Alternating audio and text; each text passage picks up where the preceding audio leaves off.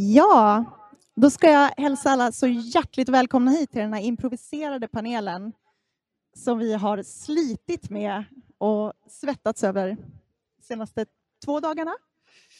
Ehm, jag ska börja med att bara inledningsvis säga att den här debatten om porrfilter i skola och förskola, ehm, det är en väldigt aktuell fråga och det har märkts också här i Almedalen på hur att olika debatter om hur porren påverkar och så. Och vi tycker då att det har saknats ett element av att prata om vad forskningen faktiskt säger om den här typen av innehåll. Innehållsfilter. Ehm, så att vi har arrangerat det här samtalet lite på en höft. Och vi har tänkt att vi ska prata om just filterfrågan och vi kommer att lämna frågan om porrens skadeverkningar eller inga skadeverkningar eh, Eh, till någon annan panel en helt annan gång. Men vi är ju hyfsat i samsyn om att det finns problem med hur man pratar om innehållsfilter som en lösning för att skydda barn från porr. Och det är därför vi är här. Så att vi som är här nu är en ganska stor panel eh, och vi har ganska begränsad tid så att vi ska försöka hålla oss kort. Men ni kan börja med att presentera er och vilka ni är. Eh, ja, jag heter Katarina Stensson, jag är civilingenjör och vice partiledare för Piratpartiet. Engla Göklund. Jag är ordförande för en ideell organisation som heter Institutet för juridik och internet och jobbar med digitala integritetsfrågor. Eh, och utöver det så är jag IT-jurist. Jag tar denna istället. Eh, jag heter Johanna Nylander. Nej, det hörs inte. Jo, ja, okej, okay, bra. Eh, jag jobbar för eh, dataspelsbranschen med samhällsfrågor och så skriver jag liberala krönikor. Och jag heter Karin Nygårds och jag är lärare och ordförande för en eh, ideell förening som heter Surfa lugnt. Jag heter Elsa Dunkels. Jag är också lärare från början men har forskat om barn och internet eh, i 20 års tid vid Umeå universitet. Jag heter Britt Stakston och är eh, mediestrateg, föreläsare och debattör, särskilt intresserad av internets påverkan på samhällsutvecklingen. Jag heter Hans Olsson och eh, jag jobbar med sexualundervisningsfrågor på RFSU och jag är också utbildad lärare.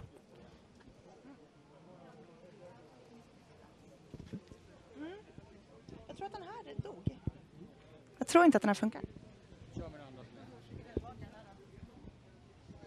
Det här är det bästa med att liksom köra improviserade paneler, att vi har inte kunnat testa ljud eller någonting innan. Så att vi, vi kör lite så här på näft.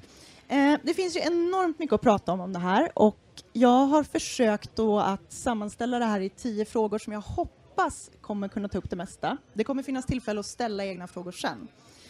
Eh, om vi börjar med att sammanfatta då, eh, vad är innehållsfilter? Vad är det man pratar om då? Eh, vilka lösningar är det man förespråkar och sådär? Karin? Ja, men vi kan ju börja med att det har börjat med en, eh, en lobbyverksamhet som handlar om just då, man började med porrfilter, så man pratade om att man skulle filtrera eh, tillgången till porr på framförallt då eh, datorer och eh, enheter i skolan. Sen har man gått vidare till att diskutera eh, att man ska använda inlogg, med, alltså bank-id-inlogg. Så det är väl den senaste tekniska lösningen som har presenterats i kampen mot porren. Um, om man då tänker på de här lösningarna som förespråkas, Katarina, du som jobbar ändå med frågor som rör eh, internet och hur vi ska förhålla oss till det. Um, hur skiljer det sig här då från till exempel att du har Save Search på Google eller eh, de här typen av program som NetNanny och allt vad de heter som används för att blocka eh, hemma hos folk som inte vill att deras barn ska komma åt allting? Jag kanske, kanske ska börja med att förklara vad Safe Search och NetNanny är för de som inte vet det. Safe Search är alltså Googles sökmotors funktion för att um, inte indexera, alltså blocka vissa webbsidor som innehåller material som anses skadligt. Eh, det kan vara pornografiskt material eller våldsamt material eller annat som gör att de inte hamnar då i eh, Google sökresultat. Eh, NetNanny är väl som en program som du kan använda som förälder för att kontrollera enheter, Ehm, till exempel dina barns enheter och kontrollera vad de kan, eh, vilka appar de kan använda, vilka webbsidor de kan besöka och eh, också kolla var de är och sådana här saker. Eh, men den här typen av eh, filter för att ehm, försöka filtrera bort porr, det kan man göra på olika nivåer. Um, Safe Search funkar ju bara på i Google search, sökmotor så då kan du såklart använda en annan sökmotor om du vill komma åt saker du inte kommer åt på Google. Du kan också filtrera på eh, vad ska man säga, browsernivå. Du kan lägga in eh, funktioner i din browser eller program i din browser som gör att du inte kan nå vissa typer av webbsidor. Du kan också filtrera på internetleverantörnivå så att du kan se till att i ditt hemnätverk så kan du inte nå vissa typer av sidor. Ehm, och det här, eh, vissa av de här är ju helt valfria så man kan använda för, för sina barn om man vill, man kan installera dem. Eh, Medan till exempel i Storbritannien så har man lagt på ett automatiskt eh, porrfilter på internetleverantörnivå som du måste eh, då, det kallas för opt-out, alltså du måste själv kontakta din internetleverantör för att eh, avblocka den här typen av eh, eller ta bort det här filtret så att du kan titta på porr hemma. Eh, eller på dina enheter. Eh,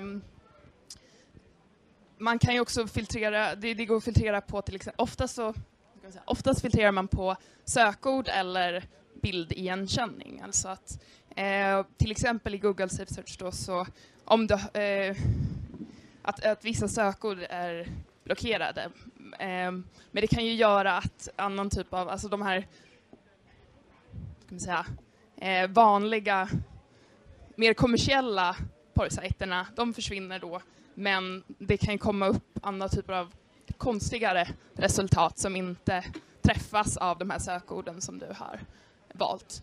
Eh, och det är också exempel som till exempel eh, Tumblr införde ehm, eh, innehålls en moderering på sin plattform för att få bort porr och sexuellt innehåll. Och den har överblockerat väldigt mycket, alltså den har tagit bort material som egentligen inte är porr.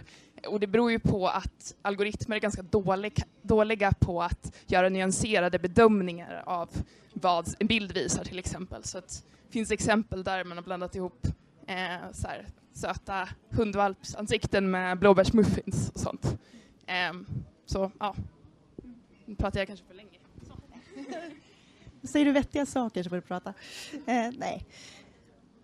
Om vi tittar på liksom rent juridiskt, Engla, finns det, om man ska titta på det här utifrån någon sorts juridiskt perspektiv, finns det jämförbar lagstiftning eller något sånt där idag till det här som man föreslår? Om vi tittar på juridiken kring de här frågorna så är det otroligt komplext för det vi egentligen ber lagstiftaren att göra är att begränsa yttrandefriheten. Yttrandefriheten är inte absolut, så den går absolut att inskränka och det går att göra eh, begränsningar, till exempel för att skydda demokratin och så vidare. Det gör man när man eh, uttalar sig om hets mot folkgrupp, att det finns lagstiftning mot det eller annan typ av lagstiftning som begränsar vad du får säga och inte får säga.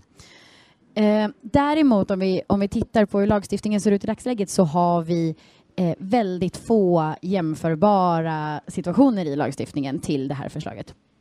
Om vi då just tittar på lagstiftning som skulle vara liksom ett statligt filter. Um, enda, det man brukar i, i debatten jämföra med är ju filter mot till exempel då barnpornografi.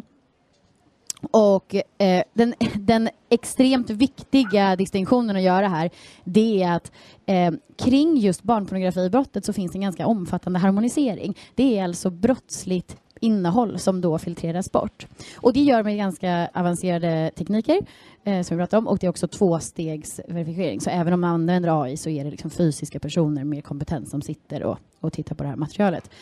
Och då tar man, man är väldigt rädd där också för överblockering, så man tittar liksom på en grundläggande nivå var den, eh, den harmoniserade liksom linjen går för vad som är olagligt. Tittar man däremot på eh, den här typen av filter så ska man filtrera bort någonting som inte är olagligt. Och har man inte, eh, då kommer vi till någonting som är också extremt viktigt i juridiken, vilket är definitionsfrågan. Allting, eh, pratar man med jurister så kan man tycka att jurister är jäkligt mossiga och hänger upp sig på ord, men det vi sitter och gör faktiskt är ju att vi måste ha tydliga definitioner för alla ord egentligen som står i en lag för att vi ska kunna tolka och förstå den och tillämpa den på ett korrekt sätt. Och bara det faktum eh, att definiera porr tycker jag i praktiken antagligen är helt omöjligt. Ehm, det är lika omöjligt som att då också programmera en ren teknisk produkt som ska kunna särskilja ehm, 50 shades of Grey från, från porr. Men då har jag en följdfråga här. Om vi vet att det är väldigt svårt att komma åt all porr eh, via en sån här ganska trubbig lösning. Om det är så att vi kan blockera den mesta, är inte det värt någonting då, Elsa? Eh, nej, om man tittar på forskningen om eh, eh filter i just skolkontext eh, så har det visat sig att den, eh, den filtrerar bort ungefär, eh, ja, men ett par procent av det oönskade innehållet så det skyddar inte bättre än så. Och då finns det en massa negativa effekter samtidigt eh, som, som man också då måste väga in. Så att om man är beredd att lägga tid och eh, pengar, eh, resurser från skolan på att få bort ett par procent av det oönskade innehållet eh, så har man ändå en massa problem. Och ett av de stora problemen är att eh, de här filtrerna har visat sig filtrera bort väldigt mycket hbtq-material och det har ju med ordet att göra oftast. Även så informationssidor som eh, Socialstyrelsen om bröstcancer, eh, en sån klassiker som har filtrerats bort, och ungdomsmottagningarna. Och det, då börjar vi komma in på barns rättigheter och skolans uppdrag där vi då inte har rätt att frånta dem möjligheten att söka eh, efter sånt som en del kanske inte ens vågar söka efter hemma därför att hemma har man nätnanny till exempel. Så det finns väldigt mycket som, som, eh, som vi helt enkelt inte får göra i det här avseendet. Och sen eh, har jag ju en del informanter som har pratat med mig om det här att de har suttit på en filtrerad dator. Nu är de, när de har berättat för mig så är de tonåringar så att de har haft lite, ja, de har kunnat tänka omkring det här. Eh, och men samtidigt så saknas det ord för det de beskriver. Inte ens jag har ord för det faktiskt.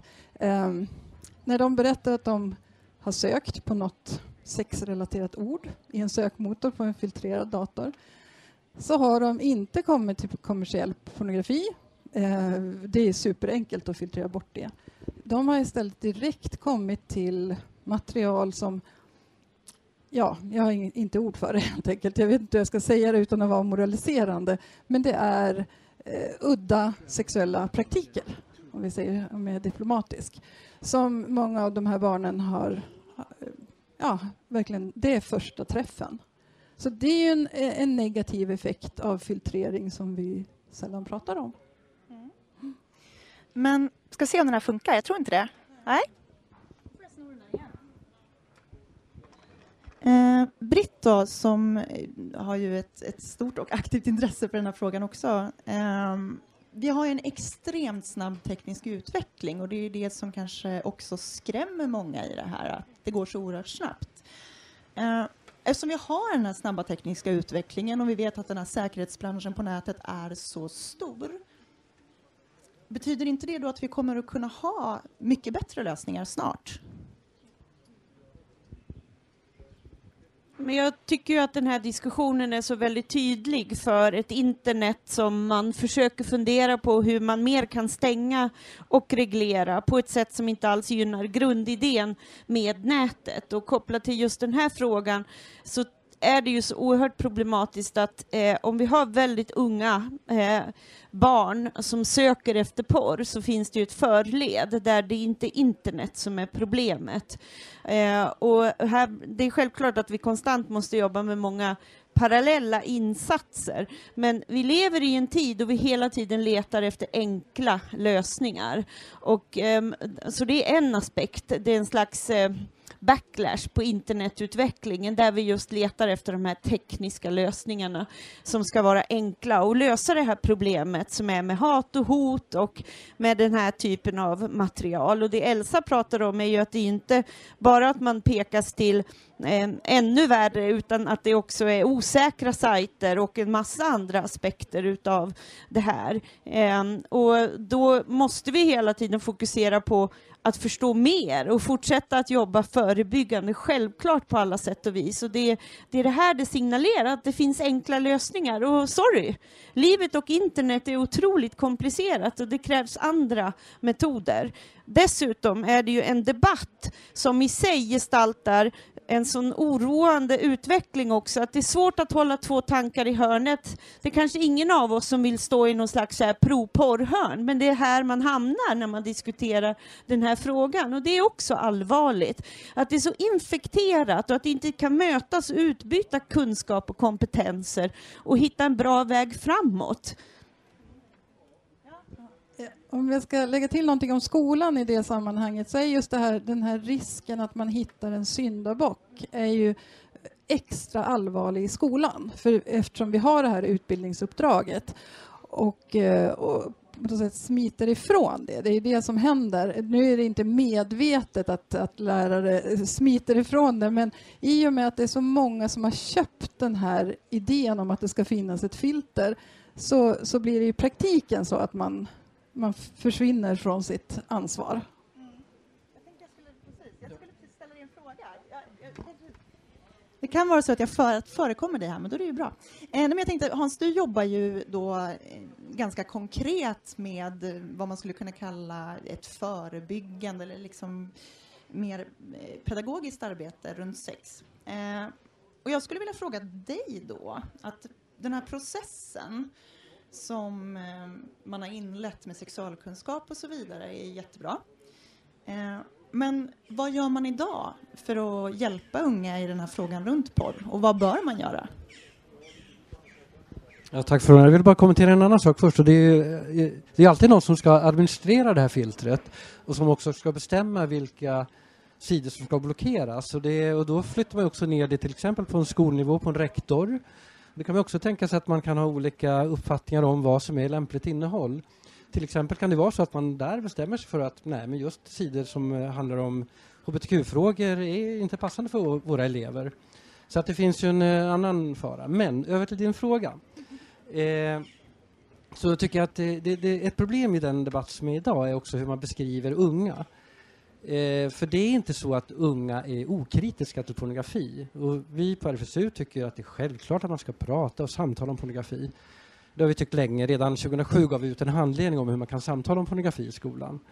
Eh, vi måste prata om bilder av sexualitet, inte bara pornografiska bilder utan även bilder i, i filmer, spelfilmer eh, som också har problematiska bilder av eh, sexualitet eller kvinnors och mäns eh, sexualitet, hur den skildras. Och det här måste vi göra med samtal. Och som sagt, det är inget svårt att föra de här samtalen med unga. Eh, nu pratar jag tom, om tonåringar i första hand. Ja, absolut, jag jobbar med det här. Men jag vet också att det är många lärare som gör det. Det är fler som behöver göra det. Men att man försöker få till de här reflekterande samtalen, för unga är reflekterande. Och frågar man eh, eh hur, vad de tänker om pornografi ser de kritiska, de ser att eh, ja, det är inte riktigt så här det kanske går till i verkligheten. Man bekymrar sig över kondomanvändning. Vi behöver också diskutera då med eleverna, alltså vad är det de oroar sig för? Och då, om man tittar på gruppnivå, man tittar ju ofta på könsskillnader och det finns ju könsskillnader i, i porrtittande och hur man uppfattar porr. Eh, så oroar sig tjejer för utseende och killar för prestation. Och det där speglar ju andra könsroller. Och det, här, det är sånt här vi behöver diskutera. Eh, sen eh, eh, är det ju då viktigt att man inte så att säga, skuldbelägger tittandet, för då får man inte några samtal. Eh, så, så att det, det är öppna samtal kring det här och jag tycker de lärare som gör det här, de gör ju det också. Alltså som pedagog så vet man att det är så man, man får till eh, en vettig undervisning. Så reflekterande samtal eh, vad som behövs.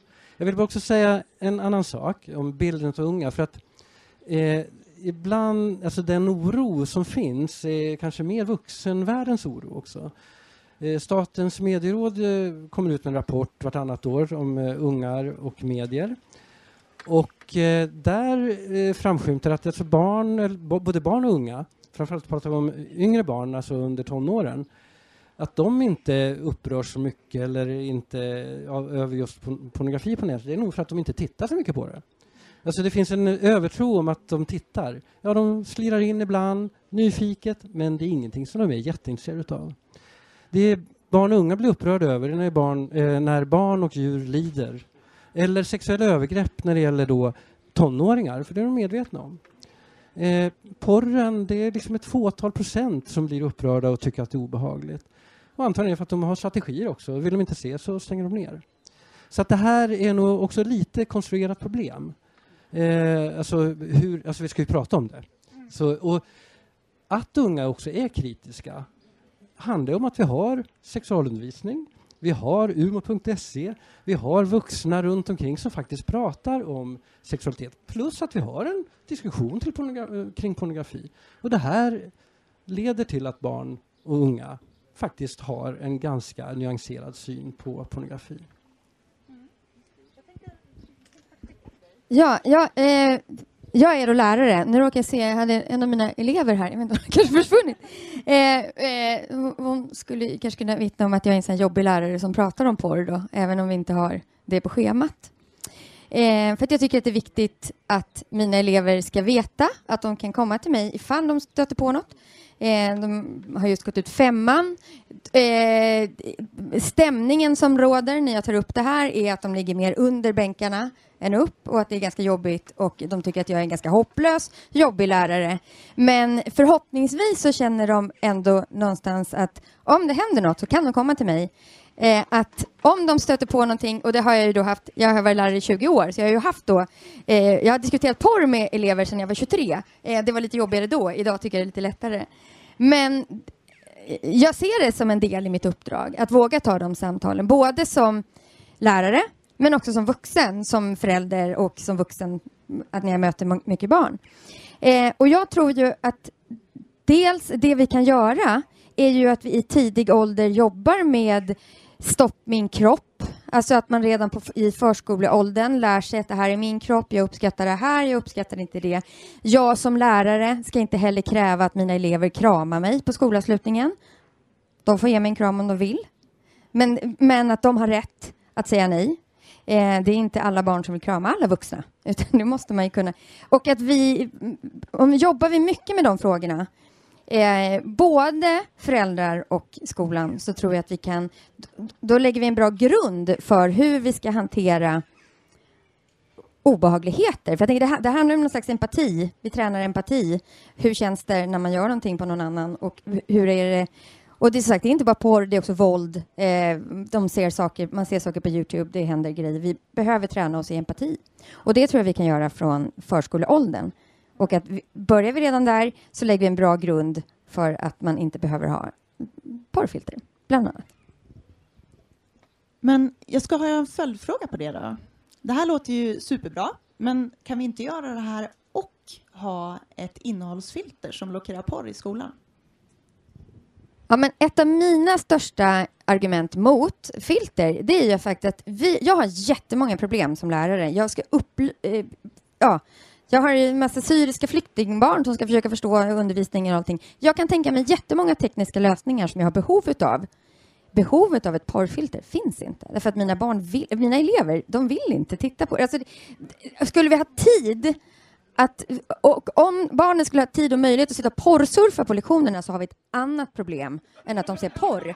Så att jag menar att man försöker laga ett problem, men om det skulle vara så, ponera att det finns en skola där vi har det, de problemen, ja men då kanske det är den lösningen som man ska ta till, fast den inte är särskilt bra. Men okej, man behöver göra något, då kanske det man gör. Men det problemet är i princip inte existerande, skulle jag säga. Det är det som är min största liksom, no-no. Eh, Ja, men exakt. Och det, de här sakerna som du tar upp nu med stopp min kropp och så vidare, det är ju generella livskunskaper som också är viktiga nätkunskaper. Och det måste vi ge alla barn. Och risken är ju då att vi missar just precis det där. Jo, nej, men jag tänkte just den här att eh, om vi också skambelägger hela, nu skulle vi prata mer porrfilter än själva pornografin, men om vi också skambelägger det, då kommer ju inte barnen heller att vända sig till oss. Jag svarar på frågor i ett eh, radioprogram för eh, 9 till 13-åringar och då får jag ibland en eh, fråga kring eh, pornografi. Och då säger jag alltid liksom, ja men det kan hända att man ser saker som fastnar i huvudet. Så då måste du, och det kan ju vara när man tittar på en skräckfilm och det kan vara allt möjligt som är otäckt när man är, är barn. Och då måste, då måste de ju vända sig till någon. Men eh, det är ju som eh, alla ni brukar framhålla också att, att eh, om man då bara har kört förbudslinjen då vågar man ju inte vända sig till en vuxen för då har man gjort fel. Och det där är ju väldigt starkt hos barn om man vet någonting om barns utveckling eller hur barn fungerar så vågar de ju inte. Då har vi satt dem i ett, i ett värre läge.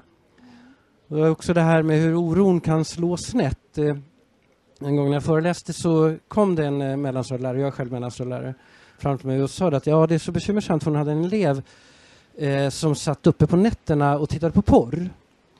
Och då tänkte jag att ja, det är bekymmersamt förstås, men den första frågan är ju faktiskt hur kommer det sig att han sitter uppe på nätterna? Alltså det, är, alltså det är också att man lätt går snett därför att oron ligger någon annanstans än där den borde ligga kanske då. Jag tycker inte heller att en 11-åring ska sitta upp och titta på porr på nätterna men liksom problemet är ju som sagt eh, varför han kan göra det.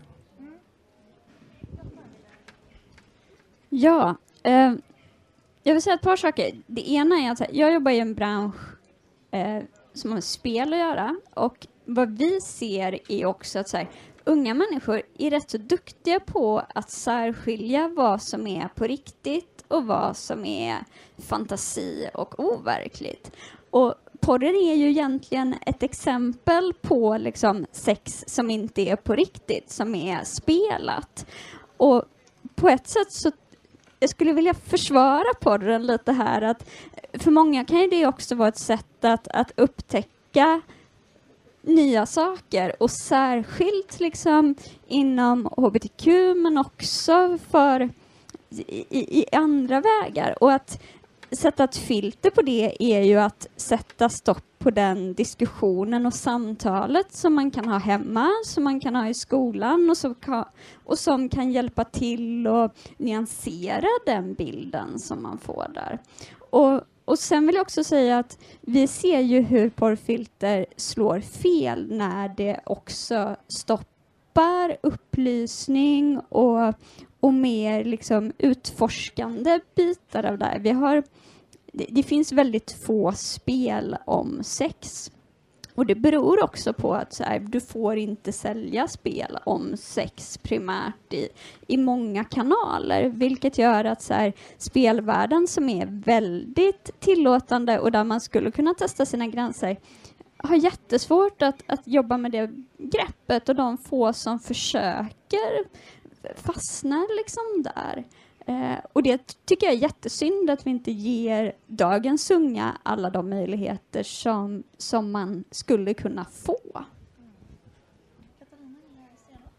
Ja, jag tänkte lite på det här eh, kring att eh, faktiskt kunna få tillgång för, du sa eh, att sådana här filter då stoppar Ehm, unga från att komma åt den här typen av material. Men faktum är ju faktiskt att de flesta unga är ganska bra på att komma runt den här typen av saker också.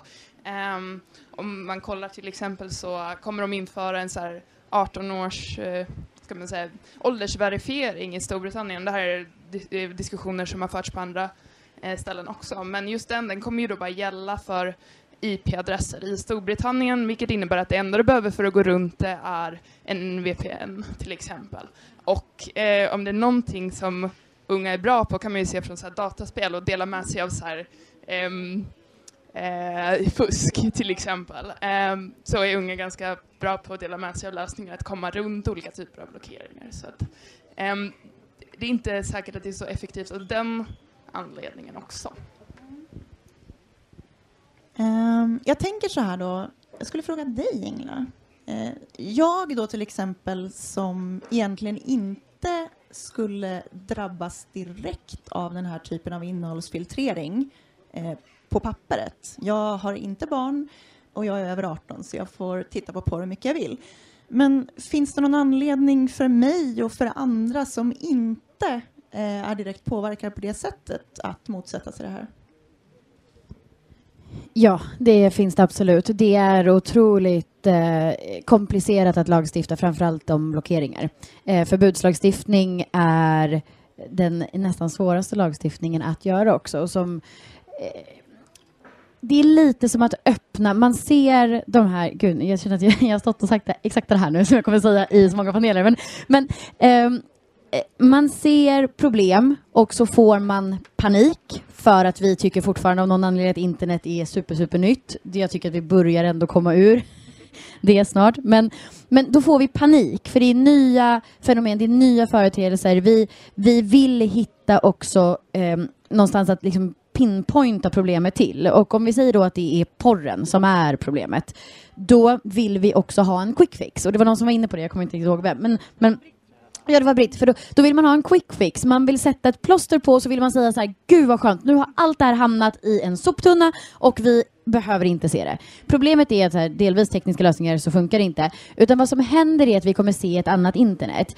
För det är inte bara på det här området som man pratar om filter, man pratar om det på upphovsrättens område, man pratar om det på eh, eh, liksom hat och hot och kränkningar, eh, terroristpropaganda. Och det gör att efter ett tag så kommer du inte veta vilket internet du får se. Så. Och sen dessutom så kommer de här filtrerna det finns ju... Så, det, det, det finns... Oh, det, det, finns också eh, då problem med att eh, man tittar på liksom, hur långt ska du blockera det här innehållet? Det är nationell lagstiftning, absolut, men, men eh, Kina som är ett bra exempel som har omfattande filterlösningar eh, kan finnas fördelar med det, kan också finnas väldigt mycket problematik som vi ser. Och jag tror att Sverige nog inte riktigt... Att, att, att förenkla ett så, en sån komplex eh, lösning till att lagstifta om ett obligatoriskt statligt filter, det är en alldeles för enkel lösning på ett alldeles för svårt problem och eh, du bryr dig om internet. Och, eh, och också det här är ju bara ämne, du kanske inte bryr dig om porrfrågan eller barns eh, access till porr, men du bryr dig om, för där öppnar man dörren till nästa typ av filter för andra saker vi inte längre vill se och sen har vi öppnat den. Nej, alltså kan vi börja lagstifta om att staten bestämmer att vissa personer inte ska se viss typ av innehåll som inte är olagligt, då har vi börjat i fel ända. Vi måste börja med att kriminalisera det då som vi inte tycker är någonting som skyddas av yttrandefriheten och informationsfriheten på nätet. Är det porr? Det, det, då pratar man mycket om så här extrem... Eh, men, eh, men extrem våldsporr och sådär. Men, men jag menar, dokumentera liksom sexuella övergrepp som har gjorts om till film och sprids. Det finns lagstiftning. Så. Jag tänkte föra tillbaka det här till skolan ett, ett kort tag. Eh, det är ju så här att man, man, kan tänka sig att det kanske har ett symbolvärde att man installerar ett filter eller så. Men det finns ju studier som visar att de är kontraproduktiva också, att de, att de motarbetar det syfte man har. Eh, och det handlar egentligen i grund och botten om att eh, de vuxna invaggas i falsk säkerhet. Och, och det särskiljer skolan från resten av samhället eftersom skolan har ett utbildningsuppdrag. Om man tänker sig att en arbetsplats vill filtrera, ja men absolut, kör om ni tycker det är värt pengarna. Men en skola har ju också den här skyldigheten att utbilda eleverna för samtiden och framtiden. Och då, då har det visat sig i sådana här filtrerade miljöer så tar vuxna ett steg tillbaka. Och det, det måste vi lyssna på. Vi måste ju, jag menar, generellt måste vi titta på vad forskningen säger. Och, och den är väl tydlig där. Idag är det, vad säger han, 50 procent av alla ung, tonåringar som aldrig har pratat pornografi med en vuxen. Och då kommer den siffran att öka, eller riskera att öka i alla fall, om, om vi då får ännu fler skolor som har det här filtret. Ja, vi har fem minuter kvar innan vi går in på lite frågor och från er om ni har några. Är det någon som vill säga någonting om eh, till exempel vad ser ni som vägen framåt eh, i den här frågan? Eller någonting helt annat? Eh, jag tänkte inte säga om vägen framåt. Eller, eller jo, lite. Men eh, nej, jag tänkte lite en, en sak som inte har kommit upp så mycket. Eh, kanske för att det inte är så relevant när det gäller filtren i skolan. Eh, men om man kollar till exempel på diskussionen kring åldersverifiering så kommer det med integritetsproblemet upp och att om du ska legitimera dig för att kolla på porr då innebär det att det, du får väldigt specifik data om dina sexuella preferenser, vilket hur många här tycker att det är ganska känsliga personuppgifter? Ja. Um, och eh, till exempel i, i Storbritannien där det här, den här lagen då ska införas, är bestämd att införas, så finns det inga ehm, krav på de här leverantörerna som ska leverera de här eh, åldersverifieringslösningarna, förutom att de ska följa GDPR. Men där har vi ju till exempel eh, ja, till, alltså, om man kollar i Sverige så har till exempel Datainspektionen som, som, eh, som är de som ska eh, utreda huruvida, alltså brott mot GDPR, de har ju inte alls fått den finansiering som de behöver för att kunna utföra sitt uppdrag. Så att eh, det finns en del problem kring liksom, integritetsfrågan också. Jag måste bara säga att de har, i Storbritannien har man fått skjuta det här på framtiden. För det skulle genomföras den 15 juni eller juli. Ja, men de har i alla fall fått skjuta det på framtiden för de har inte kunnat lösa det tekniskt. tycker jag är bra att ha med sig. Ja, verkligen. Nej, men jag tänker det här med integritetsproblemet kanske man kan slå ifrån sig lite grann när det gäller barn och säga så här, ja men hur, det är ju liksom inga uppgifter som kommer att läcka eh, när det gäller barn. Men samtidigt så kan vi ju tänka, är det ett sådant samhälle vi vill ha där barn tidigt lär sig att eh, föräldrar och skola gärna ger bort eller säljer, blir det ju, eh, personliga uppgifter eh, generellt till kommersiella aktörer och att de då uppfostras i att vara övervakade och att det är okej. Okay. Det är sådana frågor vi också måste ta ställning till även om vi tycker att vi pratar om något så löjligt enkelt som innehållsfilter så får det sådana konsekvenser. Jag tänkte bara tillägga, för det, det, du sa är jätteviktigt också, att vi, måste in, eh, vi får inte glömma vilka det är som faktiskt ska genomföra de här filtren. att det är kommersiella aktörer som ska lösa de här filtrerna. Tittar man på till exempel eh, filtreringen av barnpornografi så är det ett sam, en liksom samverkan mellan liksom samhälles, eh, liksom, eh, ideella organisationer, experter och tillsammans med lagstiftning. Så att, jag menar, eh, här har vi liksom kommersiella, man lägger över lagstiftning och så lägger man det kommersiella att lösa det, som har ett vinstintresse intresse eh, i att, att få de här filtren. och det är ett extremt, alltså om man tittar på till exempel liksom Ecpats arbete med, med liksom att granska eh, barnpornografi så är det extremt avancerade liksom, tekniska system för hur de gör det här för att just undvika överblockering. Eh,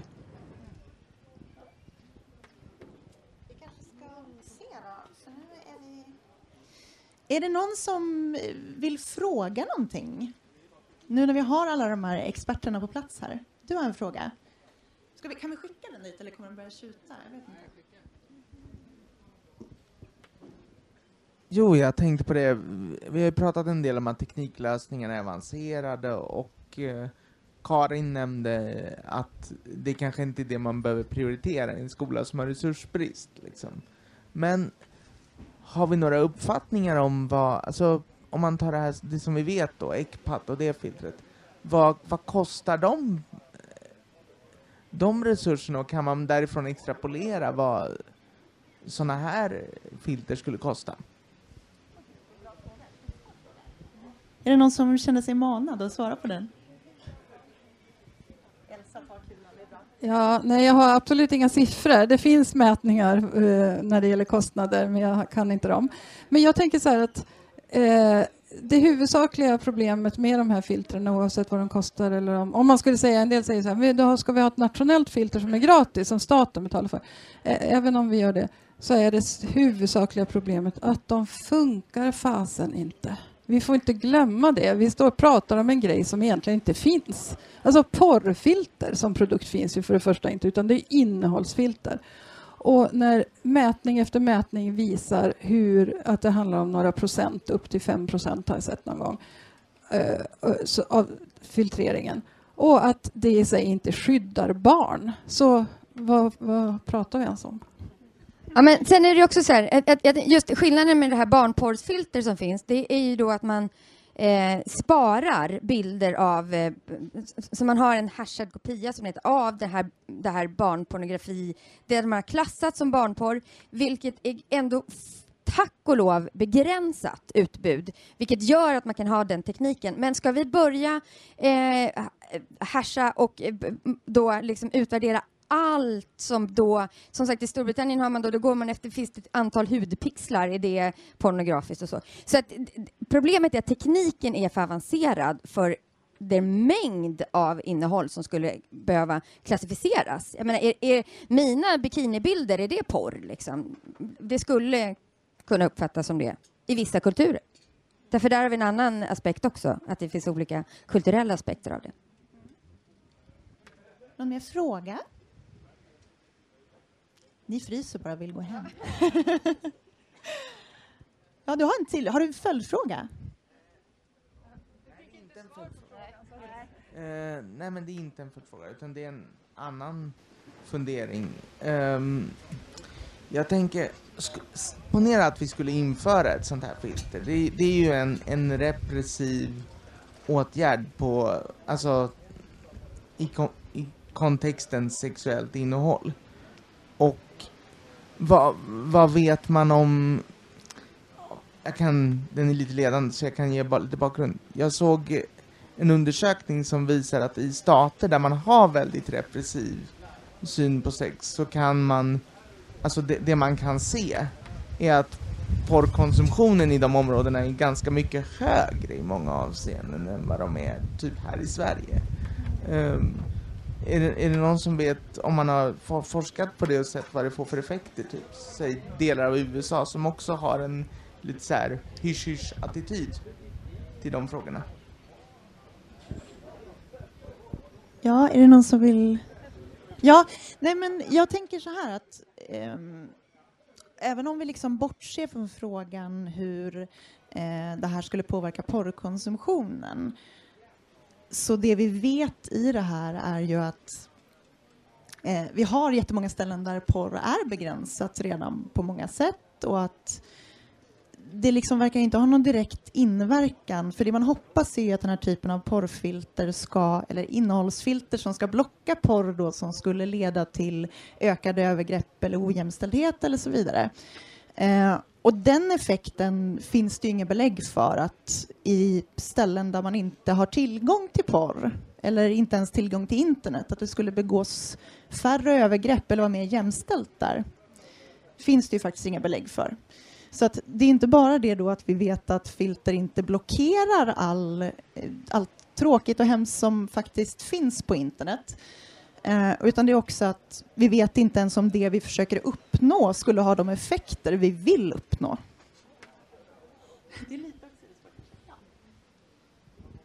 Eh, jag tänker på den här debatten ju som har blivit så otroligt polariserad och ni pratar om det att så här, antingen måste man vara pro porr eller mot porr. Men eh, har vi någon idé om hur vi kan gå vidare själva liksom debatten i samhället kring den här frågan? Kan vi Finns det någon väg framåt där liksom, så vi kan komma ur de här konstiga dikena som har uppstått?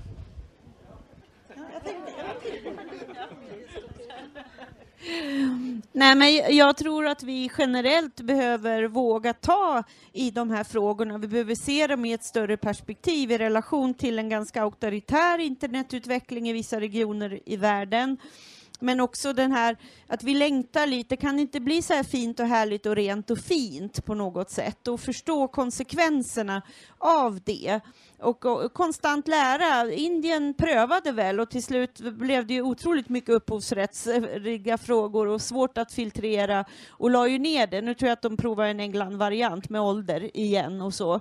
Men eh, vi, vi behöver förstå att vår samtid är komplex och på nätet kommer den här typen av företeelser finnas. Men det är ju så vansinnigt att tro att ett innehållsfilter ska lösa det. Alltså, det är ju också väldigt starka drivkrafter. Alltså de kommersiella intressen i porrbranschen är ju också otroligt kreativ. Människors lust att utforska sin sexualitet är också en drivkraft. Och, och, och hur ska den här filtreringen se ut helt enkelt? Det är en omöjlig uppgift, men mänskligheten kommer klara det. Vi hittar en väg ut, men vi måste våga ta i den frågan som i många andra frågor. Men det är, det är ett typiskt exempel på var vi är väg i samhällsdebatten och jag tycker vi alla bär ett ansvar i, i det här. Ja, RFSU, vi, försöker, eller vi kallas ju en kunskapsbaserad organisation. Så att, eh, vi tror ju på kunskapen. Eh, att det är att vi får för, försöka fortsätta framföra liksom det vi vet, det som vi har belägg för i forskningen eller det vi också behöver ha mer kunskaper om. Eh, för det som är problemet med den debatt som förs idag kring pornografi, jag skulle säga por porrfiltret är ju ett resultat, eller innehållsfilter, det är bra, jag ska försöka börja använda det istället, eh, ett resultat av eh, hur man ser på pornografi i sig. Eh, och det är ju en komplex fråga, men den här debatten skymmer också det som kanske då är de reella problemen med pornografin. För nu blir det generellt och den bild också som sprids av unga och inte minst av killar gör mig faktiskt ganska ledsen och bedrövad. Ungefär som att de inte kan tänka själv alls. Som om det inte finns några människor runt omkring dem som någonsin har pratat om kropp och sexualitet och respekt och ömsesidighet. Det är liksom, det är uppåt väggarna skulle jag säga. Men det finns vissa som är mer eh, utsatta kan man säga. Det kan vi se i andra fall också när det gäller nätet. Eh, människor som eh, har dålig sociala eh, få och dåliga sociala nätverk till exempel. Eh, som eh, inte går i skolan, alltså det finns en annan social sårbarhet, är också mer sårbara för att påverkas på ett negativt sätt av pornografin. Och det är det, så att vi behöver också naturligtvis se det och eh, vara mer finkalibrerade och inte ha den här väldigt övergeneraliserade bilden av pornografin. Det, tror jag, det hoppas jag är en väg framåt så att vi kan prata om de riktiga problemen. Men kort bara så är det ju också att hela nätutvecklingen har ju på något sätt accelererat så pass så att man upplever att det är någon slags vilda västernvärld som pågår där. Och därför är ju sådana eh, röster som Englas till exempel som verkligen lyfter också fram att vi faktiskt, det kan och ska lagföras. Allt blandas samman på något sätt och här ska man ju se att det, det är ju i den tiden vi lever i att det finns väldigt mycket lagstiftning här som det handlar om, som man redan, det är straffbart till exempel och så. så. Vi behöver lägga pusslet och inte se att det här är något som är fullständigt okontrollerbart och att i varje instans i ledet ut mot barn eh, så behöver man fortsätta och, och, sätta de här sakerna i ett sammanhang och, och, och hjälpa barnen, precis som vi har hört här Karin och Elsa prata så mycket om.